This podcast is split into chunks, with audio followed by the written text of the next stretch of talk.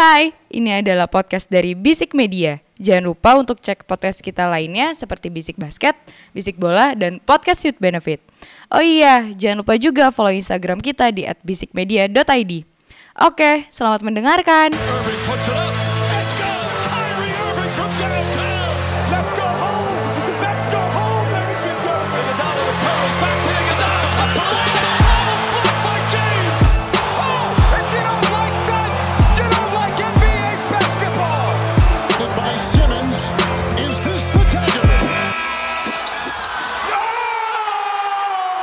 It's a whole new episode of Basic Basket Podcast putar basket NBA dan juga dalam negeri yang diulas secara santai sebagai pecandu basket. Candu, candu, candu. Minggu kedua di tahun 2022 Yoi. Masih bersama gue di Masyoda Eke Dimsu dan sobat gue yang selalu setia menemani Ramzi Alam Eke Duzi Peke Kome Kerem Jeke Jontor Jager Jager Jager. Boom, boom, boom. Wak wak wak wak klau klau klau klai klai klai klai klai. Tebel, tebel, tebel, tebel. Katrok. Oh, sorry, sorry. Barusan aja lu tadi bilang T- TBL apa sih Ji? takut banget loh. gitu. Nadanya harus kayak gitu, Su. Takut banget loh. gitu. Banget sih takutnya gua gara-gara lu klik klik TBL. klik up ah. TBL. Iya, takut TBL. banget loh. Tebel, ah. Takut banget Lakers. Iya. Ya, ya, ya, ya, ya. Kalah biar juga. biar relatable, biar Eh, iya, iya. Oke, oke. oke, oke. Oke, seperti biasa uh, Senin malam uh, di episode mingguan Bisik Basket kita akan seperti biasa ya mengulas game-game terakhir eh sepekan terakhir sih ya. Yoi, yoi. Yang di mana juga kita akan menyampaikan beberapa berita terhangat Hmm. Terkait kembalinya beberapa pemain yang di gua roster gua di Ramzi sama di Fantasi ini, ini nggak kepake. Iya, Akhirnya menyumbang poin. Syukur alhamdulillah ya sesuatu. Gue tahu siapa, Hmm. Lance Stevenson kan? Betul. Bu, Masa saya Thomas? Gak mungkin dong. Kan cuma 10 hari doang. Iya. Mendingan Stevenson makanya. Eh, iya. Kalau pengen kembali ke NBA ngeliatin uh, patternnya Lance Stevenson dulu. Iya, eh. Kalau misalnya udah di wave tuh sama tim-tim di NBA, mainlah ke Liga Cina. Iya. Jangan terlalu stubborn untuk main di Jili. Main di main timnas. di timnas yang, yang anda juga main di timnas juga mungkin di event-event FIBA juga nggak akan dipanggil ya Betul. seperti Olimpiade nggak akan mm-mm. ada nama Kamu anda. tuh cuma hanya orang-orang untuk kualifikasi doang.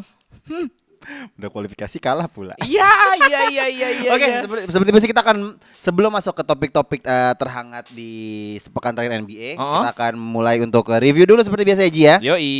agar eh, ada eh, kontinuitas Continuity. Ya. terhadap eh, podcast kita episode yang lalu, Baik. yang sebelumnya di Oke. 92. Mm-mm. Di episode 93 ini kita akan membahas game terakhir yang kemarin kita preview ya, Mm-mm. yaitu Brooklyn Nets melawan Milwaukee Bucks yang di mana Mm-mm. kan udah udah pasti nih nih.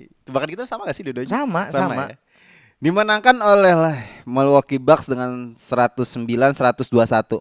Mm-mm. Gue melihat game ini kayaknya eh, apa ya? Seakan-akan tuh Brooklyn Nets tuh nggak ada celahnya men untuk bisa menang gitu loh. Iya, iya, benar-benar. gue melihatnya ya Milwaukee Bucks ya emang pet apa ya? Mereka udah menentukan standar tinggi buat tim tim mereka sendiri gitu. Iya, iya. Walaupun mereka sekarang di peringkat eh, secara peringkat gitu ya. Hmm. eh, peringkat itu kan fana ya untuk di regular season ya. Mm-mm. Nah, eh, melihatnya bahwa walaupun Brooklyn Nets ada di peringkat 2 dan Milwaukee Bucks di peringkat 3, Mm. tapi eh, di game ini sangat dominan sekali untuk Milwaukee Bucks. Menurut tuh Iya. gimana sih untuk game ini?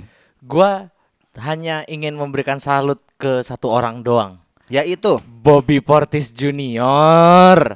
Bobby Portis Junior, Bang. aka Uus di NBA. iya lagi, iya lagi. Oke, lanjut. Nah, kalau si Bobby Portis ini sebenarnya kenapa gue salut banget? Pertama, yang paling kelihatan itu adalah plus minusnya. Mm-mm. Which is dia udah 27 plus minusnya dan itu sangat bagus banget. Dia tertinggi di Bucks sendiri. Ya. Dan gue melihatnya gini, entah kenapa pick and rollnya sama Bobby Portis itu selalu bisa menjadi apa ya? Eh bisa menjadi senjata utama gitu loh. Kelihatan banget ketara banget di mana dia selalu di switch gitu ya sama Patty Mills. Lu bayangin Patty Mills mau ngejagain Bobby Portis mau gimana? Yap, yap, yap. Dan Bobby Portis pun akhirnya bisa mendapatkan bentar.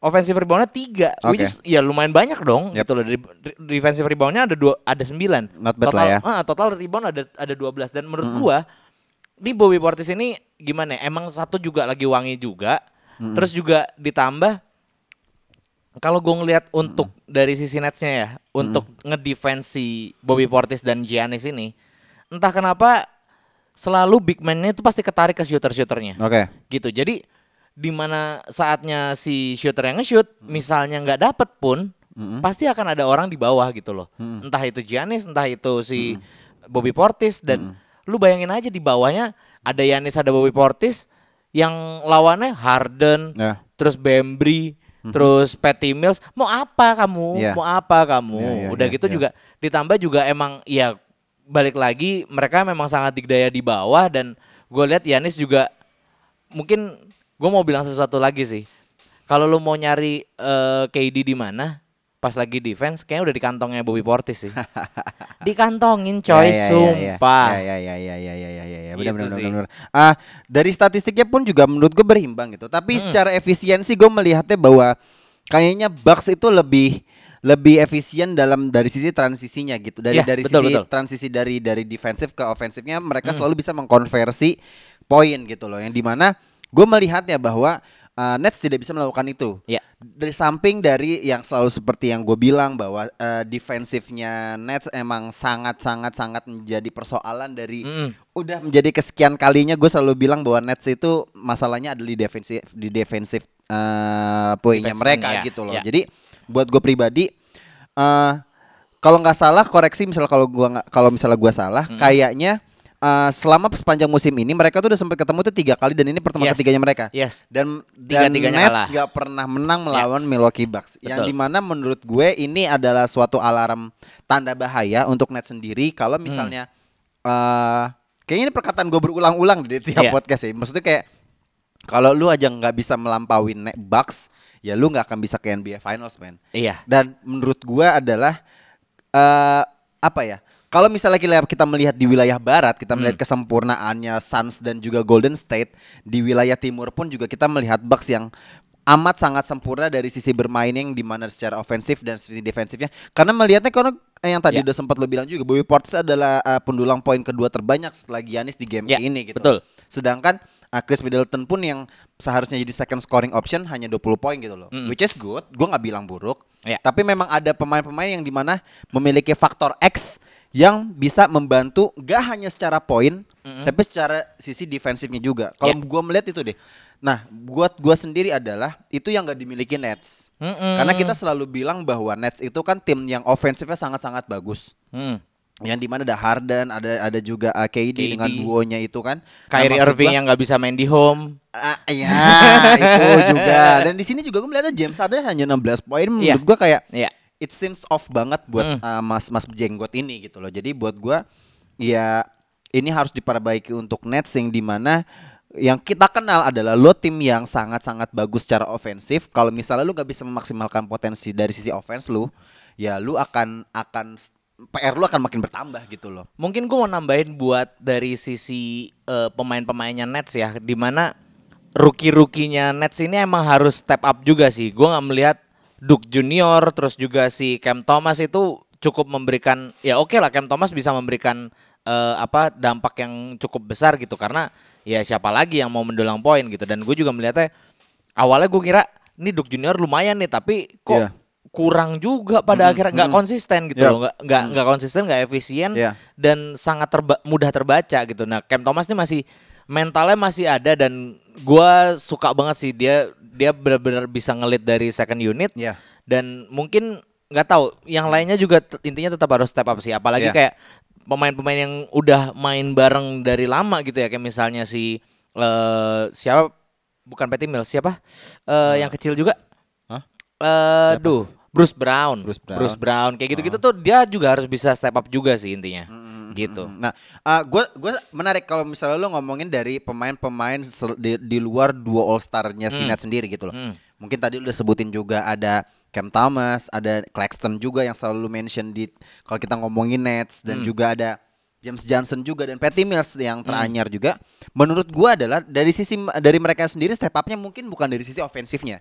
Karena kalau dari ofensifnya gua nggak akan sangat khawatir. Ah, Iya iya iya. Tapi iya. gimana coba lu meningkat eh, ini PR buat eh, Steve Steve, sendiri ya mungkin Ya. ya. buat gua poten eh, maksimalkan potensi-potensi pemain ini untuk dari sisi defensifnya mereka Mm-mm. dari parameternya mungkin dari dari eh, eh, rim protectornya juga menurut Ya. gua karena di sini ada men- menurut gua eh, Claxton juga berpo, apa namanya jadi rim protector yang menurut gua bisa baik juga gitu loh Potensial lah ya, potensial bisa banget dia dibilang. masih muda dia punya segala bakatnya juga maksud gua maksud gua dia ada di sana gitu dia punya potensi itu gitu apa lagi pula juga di second unitnya mungkin kita juga agak berekspektasi lebih terhadap Lamarcus Aldridge juga kan Iya, iya, iya. tapi Sama Black Griffin gua, juga. kalau tapi menurut gua juga kalau dia berangkat dari second unit dari bench juga menurut gua juga cukup cukup aja kok walaupun dia juga mungkin udah tua juga gitu loh Mhm. tapi balik lagi menurut gua PR-nya ada dari Brooklyn Nets adalah sisi defense-nya mereka mereka ber- eh, mereka punya aset yang menurut gua cukup segar ketimbang tim Purple and Gold TLA sana ya Iya. Menurut gua itu adalah salah satu kesempatan untuk memperbaiki ya PR lo itu Mm-mm, mm-mm. Ya itu maksud gue. Kalau misalnya ofensifnya mereka gue nggak mikirin lah Harden sama kayak Kuduran dan juga mungkin Kyrie juga nanti main juga menurut gue juga ya akan akan jadi tim yang menakutkan lagi Brooklyn Nets gitu loh. Cuman dari sisi defense-nya nah kalau menurut gue salah satu solusi untuk Brooklyn Nets adalah dengan beberapa potensi pemain yang mereka miliki baik itu yang muda-muda dan dari second dari second unitnya juga dari bench eh, ajarin gimana caranya untuk eh, pola bertahan yang klop untuk mereka Mm. maksimalkan potensi mereka yang masih muda-muda ini untuk bermain bertahan, untuk bermain defense yang di mana itu bisa nutup kekurangannya mereka. Menurut gua itu sih. FYI eh, di kekalahan sama Bucks ini Mhm. itu adalah kekalahan kelima beruntun di home mereka. Ya. Nah, gue jadi sempat kepikiran, apakah ini karena Kyrie nggak bisa main kah? Jadi maksudnya, ya lu, ya you need to adapt gitu loh, tanpa ada, tanpa adanya Kyrie dan adanya Kyrie gitu loh. Itu yang gue sampai mikir, apa emang, apakah karena itu jadi mereka, Iya. men, seorang sebuah tim Brooklyn Nets gitu loh, lu sampai lima kali kalah di home itu menurut gua ya sebenarnya nggak nggak semuanya sepele gitu loh. Jujur ada ada Orlando, ada Sixers, ada Bucks, gue lupa duanya lagi siapa dan nggak terlalu sepele. Ya mungkin yang paling sepele gue bilang Magic lah. Iya. Magic tuh sepele banget. Cuman Yang secara eh, stat bukan statistik ya, secara dari klasmen pun juga juga gitu. Juga lo harusnya bisa menang mudah gitu. Mm-mm. Nah, apakah itu karena ada Kyrie? Menurut lu nih, gue gue lebih nanya aja sih kayak apakah karena on off-nya si Kyrie ini jadi mereka agak ya mungkin bisa dibilang agak susah untuk adaptasi gitu. Menurut gua kayaknya eh, Steve Nash terlalu eh, terlalu menitik beratkan eh, sosok leadershipnya ke Duren dan juga memberikan pola permainannya ke Harden yang di mana menurut gua Ah, iya. itu nggak nggak maksimal untuk mereka Mm. bukan nggak maksimal apa ya B- eh, KD eh, sorry itu saya bukan sebagai sosok leadership yang baik dan juga James Harden yang kita tahu dia di Houston bermain Ya, sendiri gitu ya. bukan as a collective team gitu loh Mm-mm. nah mungkin ya memang butuh seorang sosok pemain yang lu bisa bener-bener point guard murni yang seperti kayak Irving mau gimana lagi gitu loh. Iya. Dan menurut gua ya ini imbasnya kes- eh, kekurangan yang gak ada Kyrie ini menurut gua Nets yang akan menjadi tim yang stagnan aja gitu. Mm-mm, mm-mm. Pun dengan statistik yang tadi lu sampaikan adalah gua baru Hmm. lihat kalau nggak salah di Bleacher atau ESPN gue lupa. Eh, Brooklyn Nets ini eh, kalau nggak salah belum pernah menang Hmm. menghadapi tim top 4 di dua conference. Wow. yang wow, di mana wow, berarti wow. di, melawan um, um, Suns, melawan Golden State, melawan Utah Jazz. yang jelas bukan di dua barat. LA. Iya kan gak di top 4 Iya, Mereka ah. semua. eh Lakers lagi under 500 eh lagi eh, ini loh Di above atas 500 loh Ya udah, nggak nggak semu semu, udahlah. Ya, jangan diomongin udah. Iya, Nah ah. dan di- juga di wilayah barat Hmm. Mereka kalah melawan Chicago Bulls Dan yang teranyar ngalahin um, Mereka kan peringkat 2 kan Berarti di peringkat 3 juga Dia abis nggak kalah sama Bucks juga Dan 4 itu kalau nggak salah di wilayah Empat kayaknya Timur ininya itu- deh. Sixers deh yang pertama. Nah, Sixers dan mereka juga kalah gitu loh. Iya. Jadi pada intinya adalah mereka tuh dari tujuh tim di luar mereka Heeh. di baik itu di barat dan di timur Iya. itu selalu kalah. Hmm. Yang di mana ini bukan masalah dari sisinya mereka cara bermainnya lagi, secara mentality-nya juga menurut gue juga Iya. bermasalah gitu loh. Ya. Jadi menurut gua ya itu harus menjadi PR Nash yang di mana ini perulangan aja. Maksudnya Oke. KD udah bermain dua dua musim di ya mungkin apa ya musim yang pertama kan gak dihitung ya maksudnya Ah, ya ah, kan? ah, Nah, ah. nah, maksudnya ini udah berarti udah dua musim nih dia bermain nih maksudnya ya mubazir banget tim Iya. pemain sekelas KD itu harus menjadi ya gue hanya melihat kayak semacam deja vu-nya di OKC Iya. aja sih. Oke, ini menarik nih sebenarnya. Gue mau nanya iseng aja nih, Nah. pertanyaan iseng yang barusan sekelibatan lewat gitu. Karena kan eh, waktu minggu kemarin kita kan sempat ngomongin bahwa Bucks itu biasanya kalahnya sepele-sepele semua. Sedangkan Brooklyn Nets tuh kalahnya selalu sama yang gede-gede. Ya. Nah, kalau lu pribadi, lu lebih suka kalah sama tim sepele atau kalah sama tim besar gitu loh. Kalau tim besar lah, Karena obviously. Kalau tim besar. Kalau misal kayak gini, ini ini berarti out of out of uh, about basketball terms ya. ya, ya, ya, Iya. ya. Ini kalau pandangan gue, pandangan gue pribadi. Kalau misalnya gue kalah sama tim kecil Hmm?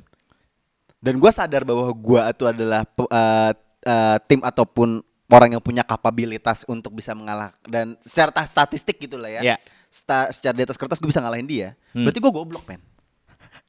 Iya dong. Iya dong, kasarnya gitu dong. Kasarnya gitu dong. Ngatain Bucks dia. Berarti gue goblok dong. Iya, iya, iya, iya, iya. Berarti goblok. Tapi terlep tapi i- gimana ya gue ngomongnya? Maksudnya terlepas dari apa pun yang Bucks lagi hadapin di regular season, ya kan playoff playoff adalah uh, moment of truth-nya kan. Tapi kalau misalnya gue kalah sama tim besar, berarti gue tahu kemampuan gue, gue tahu kapasitas gue. Yang di mana gue bisa belajar lagi. Ya, ya, ya. Gitu. Setuju, setuju. Oke. Menurut lo, emang lu pilih pilih yang mana? Gue lebih suka gini, Hmm. mendingan kalah sama tim kecil sih. Kalau gue, karena hmm, hmm. eh, pasti ada di kalanya lu tuh butuh self actualization. Nah, self actualization itu kalau lu dapatkan kalau misalnya lu mengalahkan tim-tim besar, Iya. kalahnya sama tim sepele, Iya. tidak akan dipandang kau Iya, gitu loh. iya, Kekalahan iya, lu tuh nggak nggak ibaratnya cuman setetes doang gitu loh, Iya, nggak iya, langsung iya. merubah semuanya intinya Iya, gitu. Iya, iya, ber- iya, iya, benar-benar. Berarti berarti terlihat lah ya pandangan gua sama Ramzi lah ya. yang di mana pandangan seorang mental juara dan seorang mental yang cuman ini doang one hit wonder gitu loh. Oke, em, maksud gue ini adalah PR-nya sendiri dan di mana Bucks juga menurut gua kayak dia masih on a championship level Ya. mereka nggak tergantikan walaupun di peringkat tiga wilayah timur menurut gua eh, tim-tim yang di mana eh, di peringkat atas eh, yang seperti Bucks dan juga gua nggak tahu Chicago Bulls nanti di playoff kayak gimana mereka lagi peringkat satu momentumnya lagi dapat dengan backcourtnya mereka eh dengan backcourtnya mereka yang Ya. sangat bagus banget ya who knows tapi menurut gua Milwaukee Bucks akan menjadi tim yang superior lagi nanti di playoff tapi yang gue concern adalah Brooklyn Nets sendiri sih lu akan melangkah sejauh apa Ya. yang di mana ekspektasi terhadap Brooklyn Nets sendiri adalah salah satu tim yang contending, gue bisa dibilang Iya, contending, bukan cuman uh, cuman hanya berharap di playoff run-nya doang, tapi Hmm. harus menjadi tim yang contending dan mungkin bisa berharap juara juga gitu. Iya. Jadi ya menurut gua ya semoga setelah nanti Babang Kairi balik lagi ya ya berbeda gitu lah. Kan baliknya nggak di New York yang pasti gitu loh. Apa? Kan nggak di New York yang Iya, main mainnya, iya, iya, harus iya, main di iya. luar. Ya, nanti kan kalau kontraknya habis kan ke tim New York yang orang. Ah, itu. siapa iyalah. Oke kan game selanjutnya. Oke. Ini yang tadi pagi dan ini lagi rame banget maksudnya Mm. eh, beberapa sosial media eh, beberapa akun sosial media eh, basketball related apa pun Mm. itu lagi ngebahas tim eh, pertandingan ini. Hashtagnya sampai udah trending topik banget ya. Pada gue tadi ngeliat Twitter tuh kayak apa nih Clay Day nih. Ai ai ai. Walaupun gue gak bisa nonton juga sih Iya. disiarin. Oke, Golden State Warrior melawan eh, Cleveland Cavaliers. Hmm. Ya, obviously dimenangkan oleh eh, Golden State Warriors 96-82. Hmm. Ini menjadi game yang menarik karena setelah eh, berapa hari ya dia nggak main ya? 600 something something. 941 941 berarti itu ada dua setengah tahun Dua- dua setengah tahun Iya dua dua tahun lebih dikit dua tahun lebih dikit iya tiga tiga nggak sih? enggak Almost three year. Almost Dua- three years. 2000 dia terakhir main di Juni 2019. Mm-mm. Berarti eh, pertengahan 2020, pertengahan 2020. Oh iya benar hampir hampir hampir Ya. hampir tiga tahun lah, hampir tiga tahun lah. Dua tahun ya sekian lah pokoknya. Ah menariknya di game ini eh, Babang Clay Thompson kembali bermain. Setelah terakhir eh, dia mendapatkan cedera eh, main di NBA Finals 2019 yang di mana dikalahkan oleh Toronto Raptors. Ya. Banyak hal yang terjadi setelah dia eh se- setelah dia kembali lagi. Pandemi Beberapa- covid. Pandemi covid dan juga beberapa pemain sudah berputar-putar. Mm-mm, contohnya Ya yang mau ke tim kelima itu. Kan? tim kelima? Heeh. siapa ada satu pemain yang pindah empat tim terus mau ke tim kelima kan oh iya iya LeBron James yang tuh maksudnya temennya kompatriotnya Iya, kompatriotnya, iya, iya, ha. iya, Malik mau kan maksud lo menurut lo nih Ji eh, Hmm. kalau dari sisi gamenya sendiri menurut gua untuk pertama pertama nih ya, gue mau pengen bilang Cleveland, Clev- eh, pengen nyam- eh, ngomongin tentang Clevelandnya dulu. Hmm? To be honest, gue nggak terlalu ngikutin Cleveland pasca ya pasti semuanya juga nggak mungkin ngikutin Cleveland lagi setelah pasca eh, apa pasca LeBron meninggalkan tim itulah ya. Ya.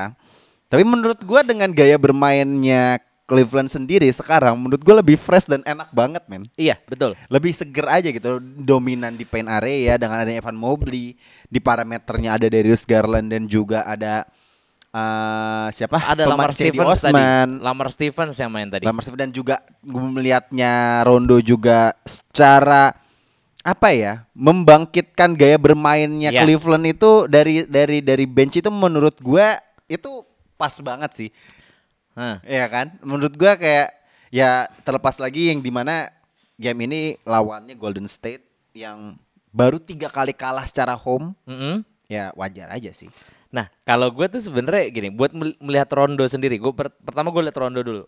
Rondo itu gue lupa di satu di salah satu Instagram apa gitu.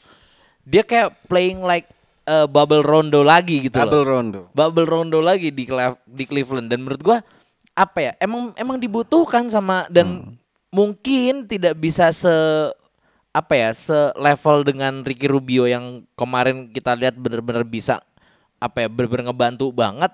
Cuman adanya Rondo ini bisa bisa menolong lah seenggaknya, bisa menyelamatkan di mana Darius Garland juga masih bisa dibilang masih terlalu hijau gitu untuk untuk memimpin sebuah tim di mana mungkin Kevin Love juga udah uzur gitu kan. Nah, Yap. mungkin eh, Rondo ini bisa gue selalu menganggap Rondo itu ada adalah salah satu pemain yang jenius gitu loh, di mana dia bisa ngatur tem dia benar-benar mengatur tempo Yap. gitu loh, itu sih. Terus eh, gue suka juga sama eh, line up front courtnya dari Cleveland, di mana mereka punya Laurie Markkinen, Evan Mobley sama Jared Allen dan itu wah gila itu tiga tiga tiganya gede-gede banget Iya, coy, iya, iya, gitu iya, dan iya, iya, iya. apa ya Markkanen juga apa ya ya stretch for yang baik Evan Mobley juga tinggi banget maksudnya oke lah gitu terus Ya. juga Jared Allen juga kuat banget di bawah gue sih nganggepnya gini kekalahannya Cleveland di sini tuh kayak dalam tanda kutip dikasih.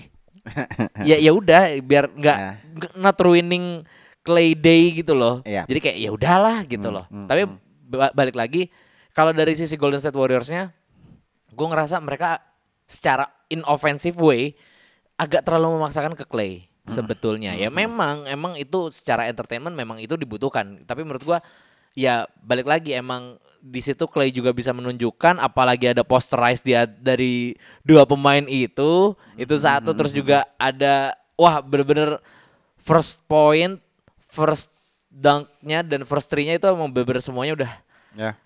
Gak tahu kenapa gue apa ya gue bukan gue bukan fans Warriors gitu. Ya. Tapi gue ngeliat ngeliat semua postingan-postingan tentang Clay itu kayak wah iya ya ternyata ada pemain ini loh gitu Ya, ya, ya, ya, gitu ya, sih ya. Kalau ah gua gua sam- lu ngomongin lu ngomongin eh, menjadi fanboying Golden State pasca eh, Clay balik.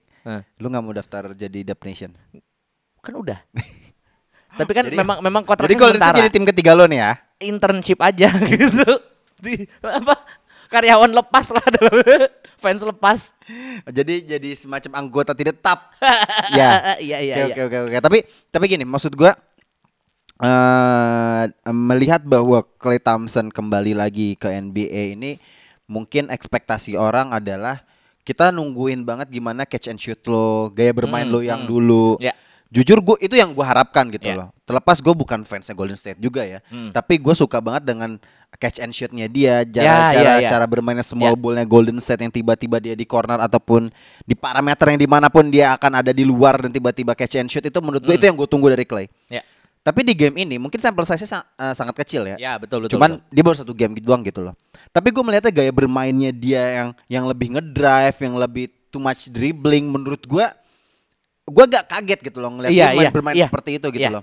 Sampai Jujur pada titik yang di mana dia bisa yang tadi udah lo mention juga bahwa dia bisa uh, ngeposterize dua pemainnya uh, Cleveland gitu loh. Hmm. Menurut gue, men kita kita disuguhkan bahwa Clay ini udah menjadi uh, pemain yang berbeda gitu loh. Iya, betul. Secara secara gameplaynya, uh, walaupun terlepas dari secara gameplaynya uh, Golden State sendiri yang menerapkan Clay itu walaupun dia di shooting guard, tapi dia lebih aktif untuk eh, penetrasi ke dalam, lebih ngedrive ke attacking the rim. Menurut Ya. gua itu itu nggak clay banget gitu loh. Ya. Lo inget gak dari beberapa tahun yang lalu kalau nggak salah itu Clay Thompson itu pernah dia itu field goal three pointnya eh, lebih banyak daripada jumlah dribblenya dia di NBA. Wah, hah? Oke. Dulu oke. tuh pernah kayak gitu kalau Oke, salah statistik oke. eh, koreksi kalau misal gue salah di eh, para pendengar bisik basket. Hmm. Kalau nggak salah pernah pernah itu statistiknya di mana dia Menarik, lebih banyak shoot three point ya daripada jumlah dribblenya dia di game itu gitu loh. Oke. Jadi kan menurut gua ini kan hal yang kontradiktif dari cara bermainnya Clay Thompson kan. Ya. Tapi eh gue coba menelaah gitu. Kenapa kenapa Clay lebih berbanyak bermain ngedrive gitu. Tapi yang gue lihat juga apa ya? Gue mengerti juga gitu. Kenapa dia bisa bermain nge- ngedrive seperti itu. mungkin yang di mana Steve Kerr pengen lihat oh lu durability-nya di game ini seperti apa sih? Ah, lu bisa berani jadi. gak Ya, sih? Ber- ya, ya. udah berani gak sih? Karena menurut gua itu yang harus dilatih dari mental-mental eh, yang abis cedera. Mungkin menurut kayak gua kayak gitu. Apalagi Karena- ACL lagi ya. Iya ACL dan juga di ACL apa ACL sih gue lupa di ACL, ACL, ya. ACL. ya. Jadi menurut gua mungkin itu yang lagi diterapkan oleh Steve Kerr yang di mana dan dia juga shootnya ya kita nggak usah ragukan lagi gitu loh. Hmm, hmm. Cuman mungkin itu yang lagi dicoba sama Steve Kerr untuk membuat Klay Thompson tuh lebih pede lagi untuk Iya, bisa iya. bermain gitu loh. Mungkin ya itu bu- eh, salah satu sampelnya yang di mana di game ini berhasil dia bisa posterize tapi walaupun gue juga agak deg-degan juga pas dia landing ya iya, iya. Iya, pas deg-degan deg-degan dia jatuhnya pertama tuh langsung kaki kanan yang di mana dia cedera gitu iya, loh. nggak nggak usah pas yang nggak usah yang pas dia nge ini deh, nggak usah yang pas dia ngedrive atau apa. Ada satu turnover Iya. yang dia kayak kepleset sama kakinya yang lagi lari.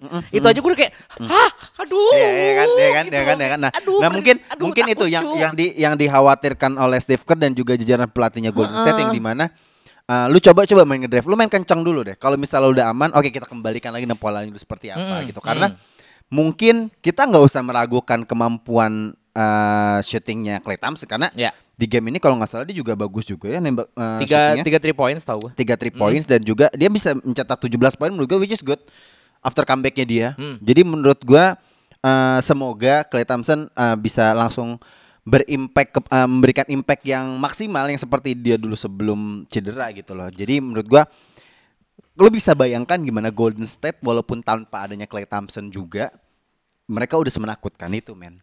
Dengan ditambah Clay Thompson sekarang ada di tim Golden State gitu loh. Tapi itu akan sangat menakutkan banget sih. Mungkin gue akan mem- memberikan apa ya, insight kali ya buat lu yang Ya. tadi kayaknya dia lu ngerasa kayak Clay Thompson tuh harusnya nggak seperti ini main. Ya, mm-mm. agak berbeda lah Iya. seperti yang Clay Thompson sebelum cedera. Kayaknya emang untuk eh plot itu di mana yang catch and shoot itu kayaknya udah dikasih ke Curry. Mm. Menurut gue sih itu. Jadi emang emang dibiarin Curry aja yang yang dari luar, lu biarin lu ngedrive ngedrive juga, ditambah juga apa ya?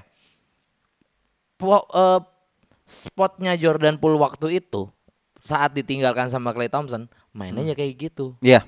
Ngedrive ngedrive dan ya oke kalau misalnya ada sempat bisa untuk eh, hitting the tree from downtown ya udah Ya. sok aja gitu Ya, loh. Ya. Tapi kalau jangan lu bukan bukan spot lu, bukan porsi lu untuk catch and shoot gitu loh. Biarin Ya. Curry kalau yang dari jauh lu karena menurut gua dari segi size badannya juga si Clay Thompson juga lebih mumpuni daripada Curry gitu loh. Curry ya Curry kecil bingo cuy.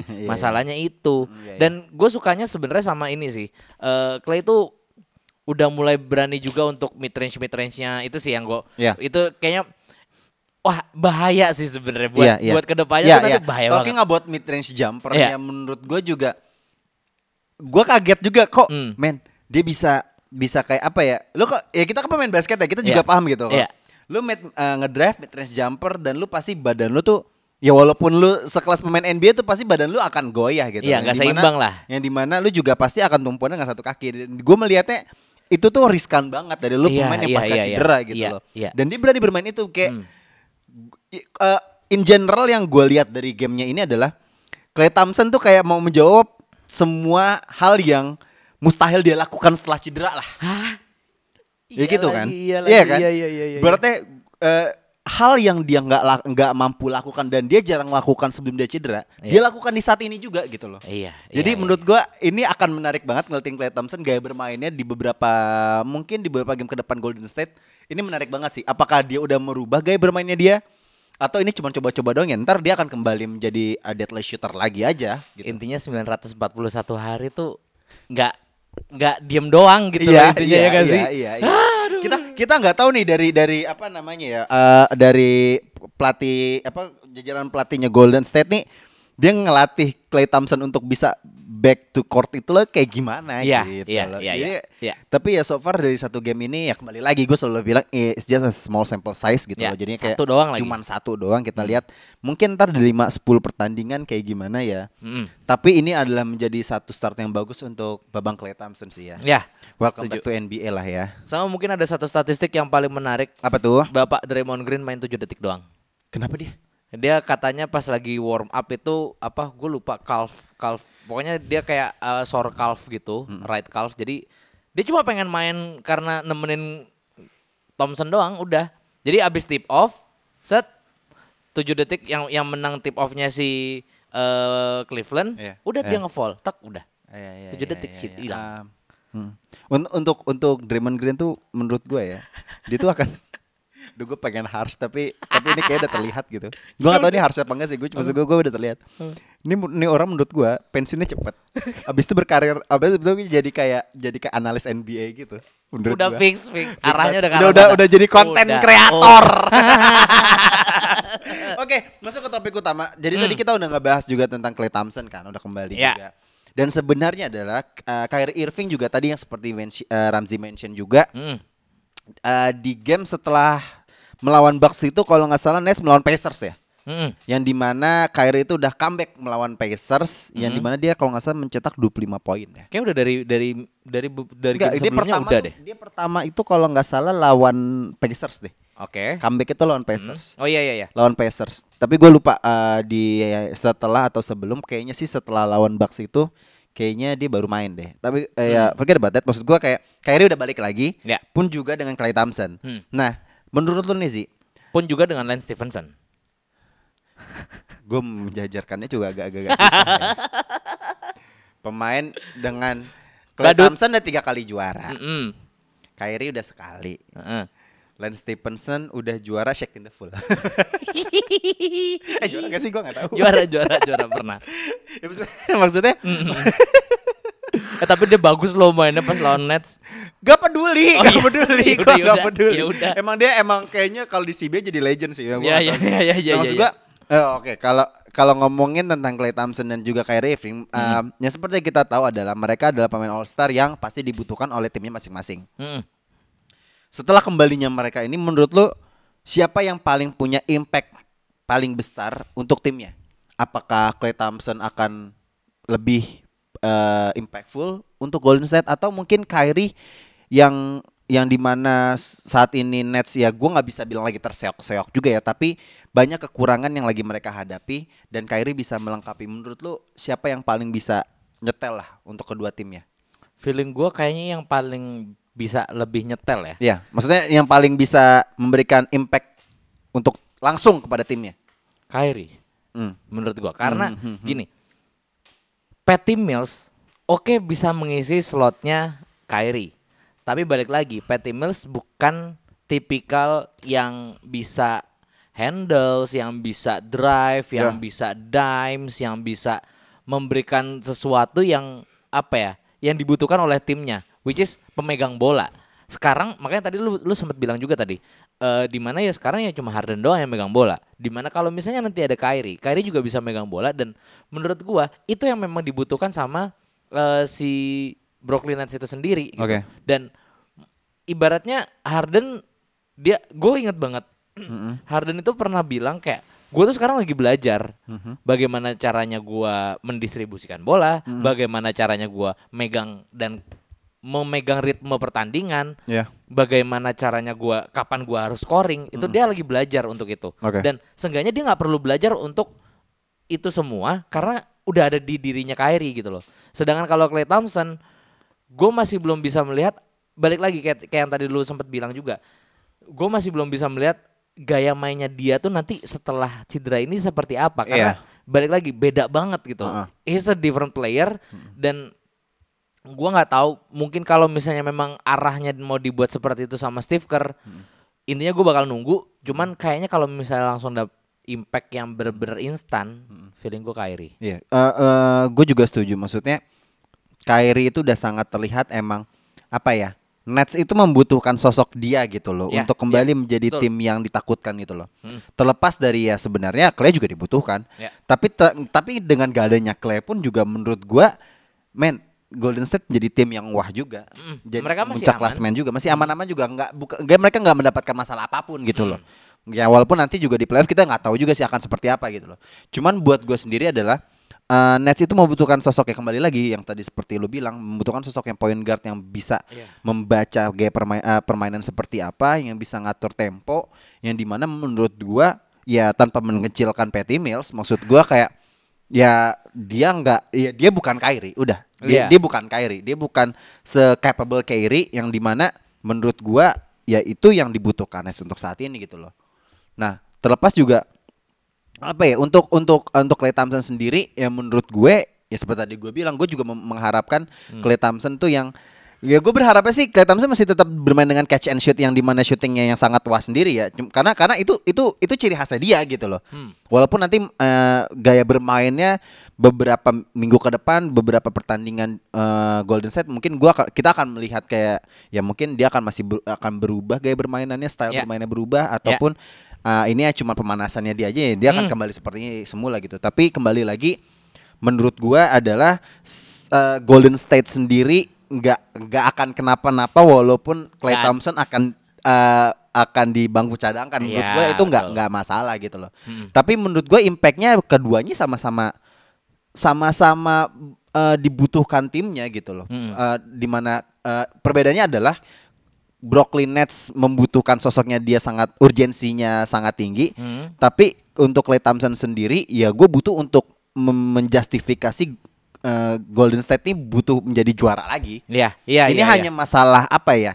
Urgensi aja sih menurut Hmm. gua, hanya masalah kebutuhannya aja. Tapi menurut gua yang gua harapkan adalah kedua pemain ini ya nggak ada masalah lagi ya. Maksudnya gue berharap ya kan kita lihat sendiri maksudnya health and safety protocol udah menjadi suatu hal yang yang apa ya hal yang sangat ditakut maksudnya hal yang sangat bugging banget ngerti Iya, nggak sih iya, iya, iya. yang terakhir gue lihat pemain pertama NBA yang kena covid masuk and safety protokol aja. Iya makanya itu dia. Dan apa ya? Gua gua nggak tahu sih kalau Clay mungkin bisa di backup gitu Ya. loh dan balik lagi Iya benar benar bisa di backup. Iya. tipikal timnya si Golden State Warriors they play as a team gitu loh. Iya. Mungkin tiba-tiba Otto Porter si Lionel Richie itu bisa naik gitu kan. Iya kan? Nomor 32 ya? Iya. Iya. Atau Gary tiba Payton. Gary Payton atau tiba-tiba si itu siapa? Andrew Eh, Wiggins. Andrew Wiggins masih ada banyak pilihannya. Iya. Ad- kalau misalnya Brooklyn Nets gini, mereka tuh nggak punya ball movement. Iya. Jujur aja Brooklyn Nets tuh main sendiri. Mau Claxton, mau siapa pun, bola udah di bawah, pasti dihabisi sendiri. Jarang banget mereka kick Eh, out. like, eh, kekurangan pola sih kalau menurut gua. Hmm, itu dia. Tapi makanya kalau misalnya ada Kyrie, seenggaknya dia bisa memberikan pola-pola yang tidak di bukan tidak diharapkan ya, tapi tidak diekspektasi sama Iya, pen- para iya. penonton yang kayaknya Ibarat, ibaratnya kayak gini loh. eh, tanpa adanya pola, udah yakin aja makanya gaya bermainnya udah, udah Iya, dia udah iya, tahu iya, how to betul. play gitu loh. Hmm. Terlepas dari ya mungkin ya ya waktu big three big three-nya Nets ini eh, bilang si siapa? Kan kalau kita lihat kalau misalnya big three-nya main ini kan yang pegang bola selalu James Harden. Hmm, hmm. Walaupun juga sebenarnya harusnya Kyrie yang jadi point guard Iya, kan. iya. Tapi setidaknya yang gue lihat James Harden ini nggak terlalu pede kalau misalnya dia hanya yang dia mengatur polanya sendiri gitu loh. Hmm, hmm. Kalau misalnya nanti ada Kyrie kembali lagi, mak- maksudnya kembali bermain reguler lagi. Iya. Menurut gue at least kalau misalnya James Harden gak baik-baik amat, ya udah kembali ke Kyrie Ya, lagi. Beban beban di pundaknya Harden tuh sekarang lagi berat Iya, dia, banget. dia, dia akan jadi merasa lebih aman dan Iya, dan iya. mungkin kalau misalnya ntar yang megang bola lagi, ya akan ya Mas eh, James Harden akan kembali untuk menjadi posisi yang seharusnya dia shooting guard. Hmm, hmm. Pendulang Ya, poin. setuju, setuju. Kayak begitu. Maksud Ya. gua maksud gua ya ya intinya kembali lagi ke urgensinya bahwa ya emang eh, Brooklyn Nets membutuhkan sosok eh, Kyrie Irving secara urgensi memang sangat butuh dan juga kalau misalnya Klay Thompson untuk dari sisinya Golden State ya dia bu- dibutuhkan juga. Hmm. Dibutuhkan. Cuman kayak ya ya take it slow aja lah. Lu lu udah Ya. berapa tadi lu bilang 907 941. 41 hari yang di mana men itu eh, lamaan Clay Thompson cedera, Ramzi aja udah ganti pacar dua kali. Eh, kok gitu? gue baru mau bilang loh sebenarnya. Apa? Earningsnya dia Heeh. pas dia nggak main sama earningsnya dia pas Iya coba main. coba milestone lu J, milestone lu dua Gini. setengah tahun. Ear- earningsnya dia, earningsnya si bukan milestone gua dong. ya nggak apa-apa, gue pengen tahu Oh iya. aja. Earningsnya si Selama selama Clay Thompson cedera, apa yang udah Ramzi lakukan? Lah kok jadi gitu Ya sih? apa-apa, gue pengen tahu aja.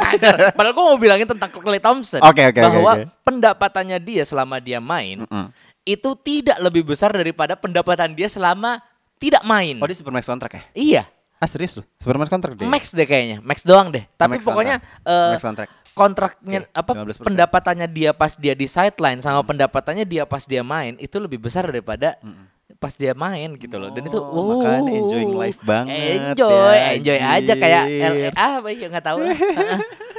gitu. banget ya. Gue juga pengen kayak begitu. Aduh, ongkang-ongkang kaki doang. Ongkang kaki dapat duit parah parah.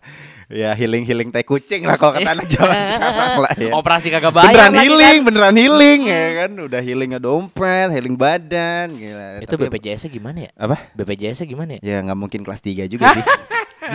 Oke, kita masuk ke preview yang di ya oke sebelumnya Iya. eh, eh, good luck kalau misalnya eh, kita lihat lah nanti Kyrie akan impactnya seperti apa dan juga Klay Thompson gaya bermain akan berubah ataupun Ya. akan lebih nyetel lah ya pas gue Ya. yakin nyetel sih maksudnya dia kan pemain yang di mana dari blueprint pertamanya Golden State juara ya dia udah ada gitu loh cuman how to play-nya dia itu kan ntar kita yang akan yang akan kita lihat seperti apa kayak gitu Semoga keduanya bisa memberikan impact instan seperti Lance Stevenson. Betul. Udah gue iyain aja dah kalau Levanson memang fanboying. Lu fans Spacer sekarang. Enggak, gua air gitarnya dia. Eh cocok aja tuh kayak ke Purple and Gold balik lagi deh tuh ke Lakers kayaknya cocok tuh. ya, yuk yuk yuk. Oke, masuk ke preview di game pertama ya, ya seperti biasa preview uh, adalah uh, ri- uh, apa namanya? game-game yang uh, kalian semua kayaknya kudu nonton gitulah ya. Wajib kudu harus Fardu gitu. ain. Fardu ain. Oke, di hari Rabu ada Los Angeles Clippers melawan Denver Nuggets. Ini men- menarik nih tim yang apa ya? Secara papan atas juga Denver di 5 terus eh, Clippers di sekarang kalau nggak salah lagi 7 ya. Mm-mm. Sekarang lagi Lakers yang di atas gitu. Kalau nggak salah win winning lose rekornya sama deh. Mm-mm. Menurut lo gimana? Siapa yang menang? Aduh. Kalau gue sih Denver. Oh, lu Denver? Gue Denver. Gue juga jelas Denver lah. Oke next di hari Kamis.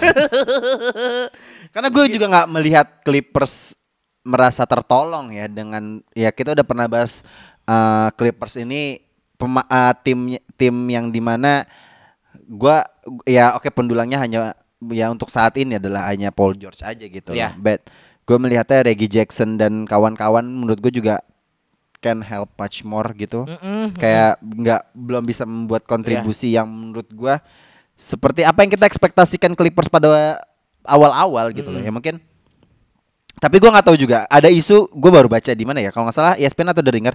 Ada wacana bahwa kayaknya sebelum playoff, pas momentum sebelum playoff, Kawhi akan main lagi. Gak ngaruh.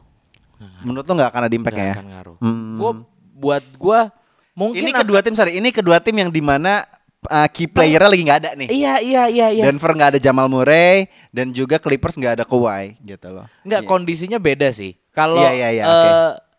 ibaratnya first scoring optionnya di Denver masih ada gitu loh. Iya. Tapi kalau misalnya di Clippers kebalikannya justru second scoring optionnya yang nggak ada. Menurut gua justru eh, otaknya masih tetap di Jokic gitu.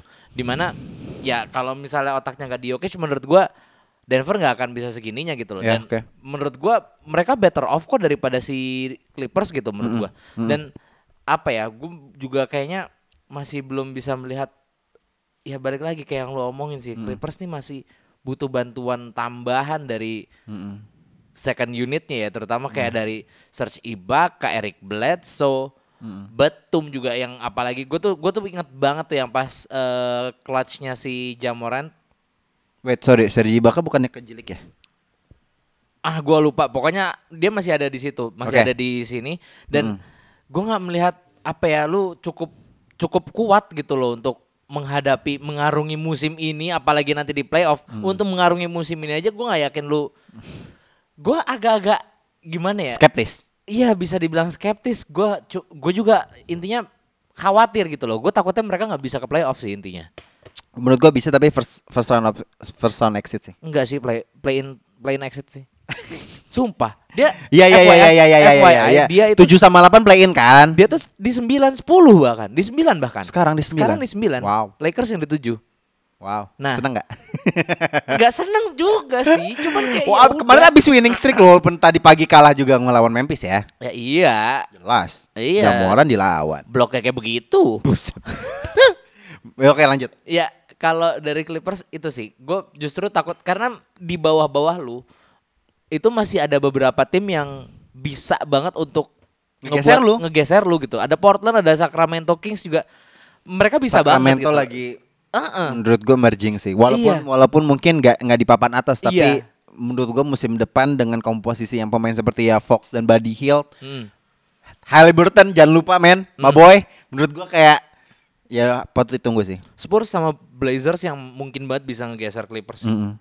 Itu aja. Ya ya ya ya oke. Uh, but you choose Denver Da- this game? Denver dong. Oke oke oke oke. Kok jadi gue mau ngomong Dallas sih? Sorry sorry sorry. Ya emang kan lu fanboying sama Doncic juga kan? Iya semuanya Karena saya kan- fanboy. Ka ya Nah, iya. kalau kalau ini relate nih, Ah, iya, kalau ini relate. relate nih. Oke, oke, relate, relate. Apa? Kalau ini kan kedekatannya sama Babang LBJ kan, Ah, eh, dibilang kan udah sangat-sangat mirip ya kan, Hmm, iya hmm, seperti hmm. itu. Udah itu aja sih cengannya nggak ada nggak ada, nggak ada punchline. Oke di hari Kamis, nah ini nih tadi kita udah menarik gitu udah ngebahas Brooklyn Nets melawan Chicago Bulls. Ini, Ini ini ini, ini menarik banget, ini menarik banget. Ini kalau nggak salah eh eh, Nets main away. Di mana Aku baru mau nanya, aku baru kemungkinannya Kyrie Irving akan main. Iya, itu udah hampir pasti kan. Iya. Eh, aduh, Brooklyn Nets melawan Chicago Bulls, Bulls. ya. Ini Ini- battle, ini- ini menarik battle- banget sih. Battle backcourt parah ya. Iya, ini menarik banget sih. Eh, kayaknya ya gua Ini ini, ini gue malah Apa? pas eh, pas gue ngelihat Chicago Bulls lawan Brooklyn Nets hari Kamis, anjir siapa yang menang ya? bingung, Mu- bingung eh, sendiri. Secara gue gue gue mencoba pakai cara lo sih. Gue mencoba eh, dengan mematch upkan tiap starting five-nya Ya, oke. dan juga di bench Oke. playernya. Oke, oke, oke. Tapi gue nggak nemu gitu. Maksudnya kayak oke gaya bermainnya Brooklyn Nets sendiri kita tahu agak-agak sedikit abstrak yang di mana menempatkan big big two atau big three-nya gitu loh. Hmm. Sedangkan eh, Bull- sendiri mereka lebih kolektif di backcourt-nya gitu. Jadi Ya. menurut gue kayak untuk menempatkan cara dengan mematch upkan para pemainnya itu itu kayak gak masuk gitu loh Iya. buat gue sendiri gitu loh. Jadi menurut gue agak-agak susah juga gitu loh, untuk menempatkan siapa yang menang. Kalau gua akan setuju kayaknya dengan berat hati gua harus bilang kayaknya Nets yang menang. Nets. Oke oke oke oke. Kayaknya Nets yang Iya, bakal iya, menang. iya. Balik lagi KD terlalu OP overpower banget Iya. dan juga ya mungkin mereka akan punya satu motivasi terbaru yaitu ingin mengalahkan salah satu dari top 4 dari salah satu divisi. Iya. Ya kan Bulls kan udah di top 4 kan? Iya, peringkat satu, men. Iya, makanya dan kalau misalnya tapi gini, ini akan menjadi eh, apa ya? ujian terberatnya Bulls gitu. Di mana mereka ketemu yang tim yang sama-sama eh, apa bisa dibilang kekuatannya sama-sama di backcourt gitu. Iya. Mungkin yang akan jadi pembeda itu adalah Oke. front courtnya. Oke. Di mana Vucevic Mm-mm. bisa nggak nih untuk menahan si KD? Gue Oke. nggak bilang, gue nggak bilang si siapa? Claxton ataupun Lamarcus. Enggak, enggak, KD. Oke. Karena menurut gua porosnya di front courtnya Nets itu ada di KD. Mm-mm. Gitu, Dengan gaya-gaya bermain pick and rollnya sih menurut gua. Mm-mm, mm-mm, itu sih. Karena kalau misalnya kayak eh, KD udah main mid range jumper, menurut gua itu yang harus gimana ya? Lu lu gua melihatnya ini balik lagi ya ke Hmm. yang tadi eh, pas Brooklyn Nets melawan Bucks sendiri ya. Gua melihatnya Bucks itu menempatkan eh, man to man in defense mereka ini di mana kan Hmm. Ya. berarti kan lu harus menjaga satu pemain ya kan. Ya. Ada match up-nya gitu loh. Hmm. Menurut gua berapa acap kali beberapa kali itu eh Bucks itu main eh apa- eh sorry bukan Nets sendiri tuh main pick and roll yang di mana ya KD jadi lebih bebas sendiri gitu Ya, loh. ya. Menurut gue ini yang agak menjadi eh, faktor yang harus diwaspadai sama Bulls sendiri yang di mana kalau misalnya udah lu kena pick and roll KD KD nggak bisa main nggak bisa dibiarin sendiri men. Itu yang bahaya kalau menurut gue. mungkin gua ada slightly chance untuk Bulls. Bulls. Mm-mm. Dan menurut gua ini valid banget sih. Mm. Di mana Valid defense ya. mereka Ah. dari front court Oke. eh dari backcourt itu lebih kuat daripada defense-nya Oh ya. Brooklyn Nets Setuju, setuju. Jadi, setuju, setuju. Even pun lo di switch up gimana pun caranya, Ya. seenggaknya KD masih dijaga sama Demar, KD Hmm. masih dijaga sama Lonzo Atau Caruso maybe. atau Caruso maybe. Menurut gua masih bisa ketahan, Ya. masih ada chance untuk ketahan. Tapi kalau misalnya mereka nggak bisa nahan itu udah selesai. Ini Iya. mungkin satu-satunya satu-satunya chance untuk menang dari Bulls adalah ya mereka harus kuatin defense. Ya, mereka. gue setuju. Gue setuju kalau misalnya uh, uh, dari ya yang seperti kita tahu kan Bulls kan sangat kuat dari sisi defense mereka Ya. di parameter ya. Ya. Kalau menurut gue sendiri, uh, kalau parameter dari dari parameter defense-nya si Bulls sendiri bisa menjaga Brooklyn Nets, ya kayak let's say kayak pemain seperti Gol uh, Harden ataupun nanti Kyrie Irving main, dan juga mungkin ada Patty Mills ya, who knows siapa uh, para pemain backcourtnya di Brook uh, di Nets. Menurut gue kalau bisa mereka bisa di lock di lock up gitu, kalau menurut gue kayak ya ada ada kemungkinan untuk Bulls menang lah. Ya eh, mungkin akan mengorbankan Duren akan menjadi pendulang poin utama tapi setidaknya hanya Duren aja. Ya, yang lain ya, akan ya, kunci ya, gitu ya, loh. Ngerti gak sih maksud gua? setuju, mungkin setuju. itu sedikit adjustment yang dari yang statement yang lo bilang ya. Hmm, Cuman gue pribadi gue juga jujur menurut gua ini akan menjadi milik Nets karena gua gua sejujurnya gue gue mas menurut gua adalah eh, duo terbaik di NBA untuk saat ini menurut gua. Kyrie Irving dan Kevin Durant that's it. Mereka nggak akan tergantikan dan mereka sekarang udah kembali mereka akan kembali bermain di NBA menurut gua kayak mer- mer- mereka akan mereka akan menjadi eh, dua yang menakutkan lagi. Menurut gua ya kayak kalau lu misalnya ngeliatin beberapa musim terakhir itu Kyrie sama KD itu kayak koncok kental aja udah. Iya, iya, nggak bisa iya, tergantikan iya. kayak menurut gue itu sih itu yang itu yang menurut gua faktor yang paling menakutkan dari Brooklyn Nets dan itu sudah kembali dan sudah terjadi menurut gua ya ya just brace yourself aja sih menurut gua para lawannya Nets Entah kenapa kayak chemistry-nya Harden sama KD pun juga nggak sekental iya KD sama Iya menurut gua Kyrie iya gitu menurut gua Harden kayak sidekicknya aja. Memang Iya. menurut gua emang Harden ya hanya pelengkap aja sih. Ya. Walaupun Ya, ya. dia All Star ya. Iya, Ya, iya, Ya dia former MVP ya, but ya menurut gua tiga pemain ini punya satu tujuan ya cincin. Ya, Oh, udah betul. itu aja. Oke, terakhir Milwaukee Bucks lawan Golden State. Nah, ini ini seru lagi. Gila minggu ini seru-seru, men. Minggu ini seru-seru, men. Ini berat Parah. nih jujur, ini berat nih jujur. Parah, men. Minggu ini seru banget. Aduh, Bucks ketemu Warriors. ya. Warriors. Ini ini I, I, I don't wanna jinx it but um gue kayak ini kayak blueprint untuk NBA Finals sih kalau menurut gue. Harusnya ya, Iya. harusnya ya. Ini blueprint banget sih untuk NBA Finals sih. Ya gue nggak mau ngejinx ya maksudnya ya don't at me lah ya. Gue nggak tahu juga sih. Cuman gue melihatnya kayaknya ini uh, blueprint NBA Finals. J- eh, So, Bucks, terlepas dari Suns ataupun Nets ya gue nggak tahu. Bucks. Gue bakal ke Bucks. Why?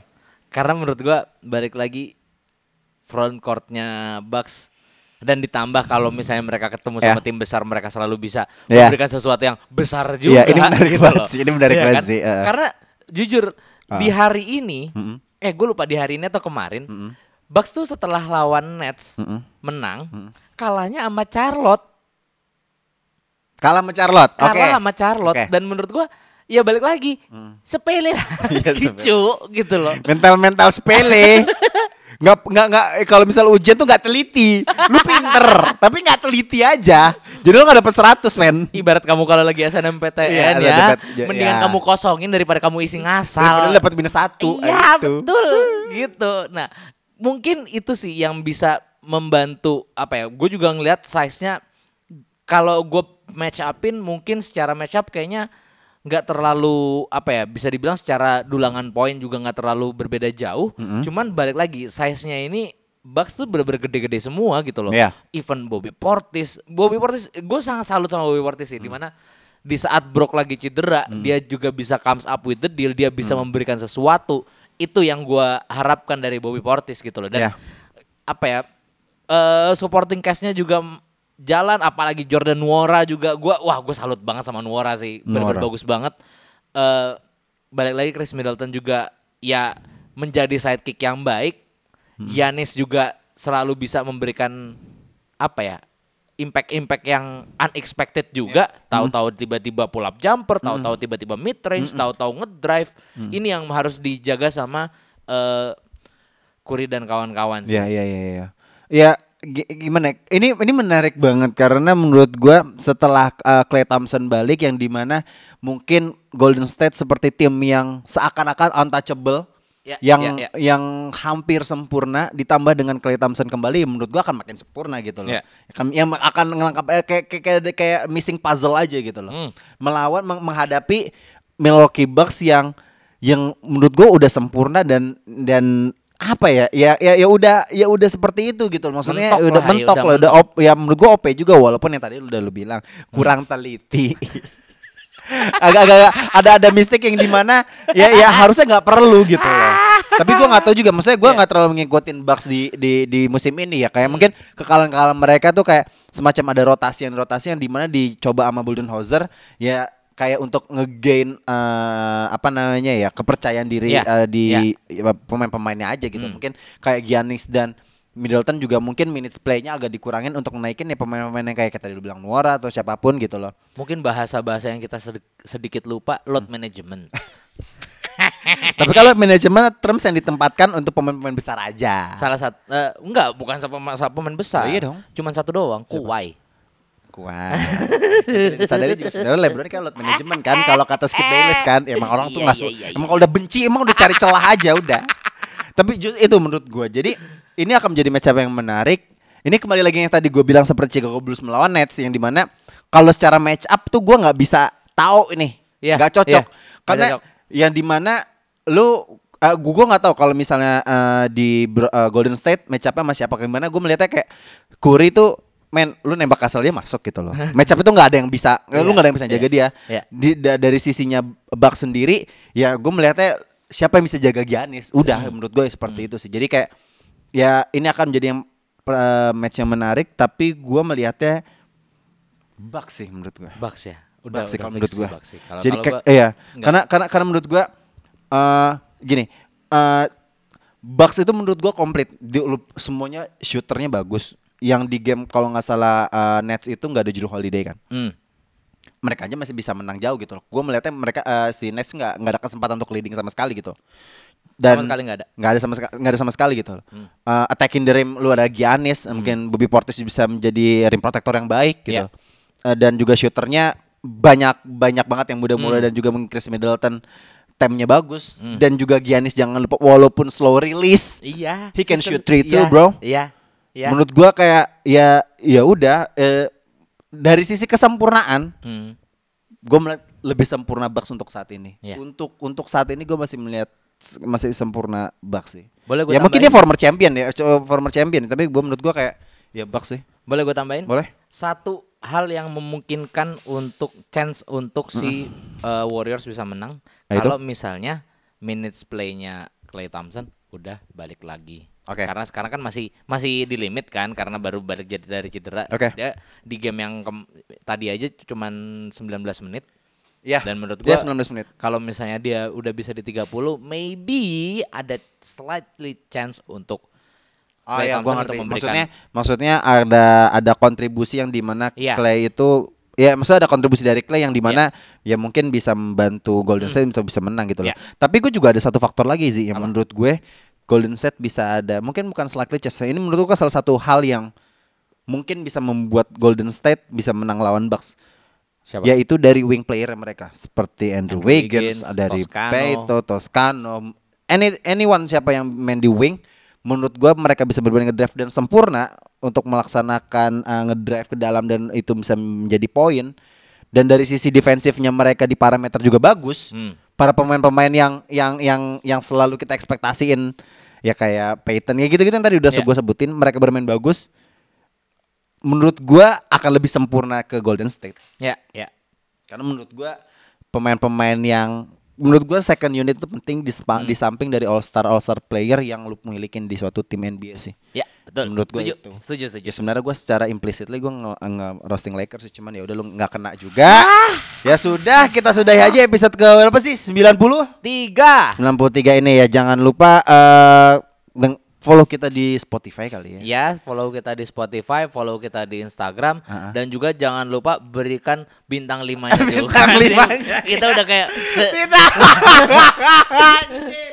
Sekali Bintang kali. limanya ya Mas ya, ya. Iya. Bintang lima tolong Tolong banget Iya. Kalau para kalian pendengar di Spotify Tolong bintang lima Dan Nah. jujur kita emang pengen banget untuk apa ya bisa dibilang pengen interaksi juga sama kalian di Yap, sosial betul. media kita. Jadi Betul. if you got any thoughts boleh banget drop your comments on the ya every post. Kita akan tiap kali kita naikin episode kita akan memberikan eh bisa dibilang apa eh, postingannya. Kita bawa kita naikin episode dan kalian bisa drop your comments di situ.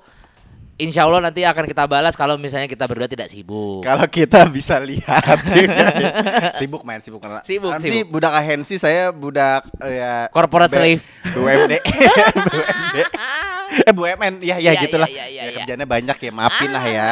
Eh dan jangan lupa satu lagi eh, Apa? foto All Star dan Hmm. mention kita, mungkin kita bisa komen ataupun bisa kita repost di Hmm. Insta Story eh, pilihan pemain kalian untuk All Star. Menurut gua masih terbuka ya votingnya ya sampai nanti. Maksud gua nggak tahu kapan. Ya jadi ya ya voting juga. Ya udah. Jangan lupa. Mm, Ya gitu aja kali ya episode kali Oke. ini ya. Oke, thank you sih. Uh, out. Gue Dimsu. Yo, gua Ramzi. Bye. Bye bye.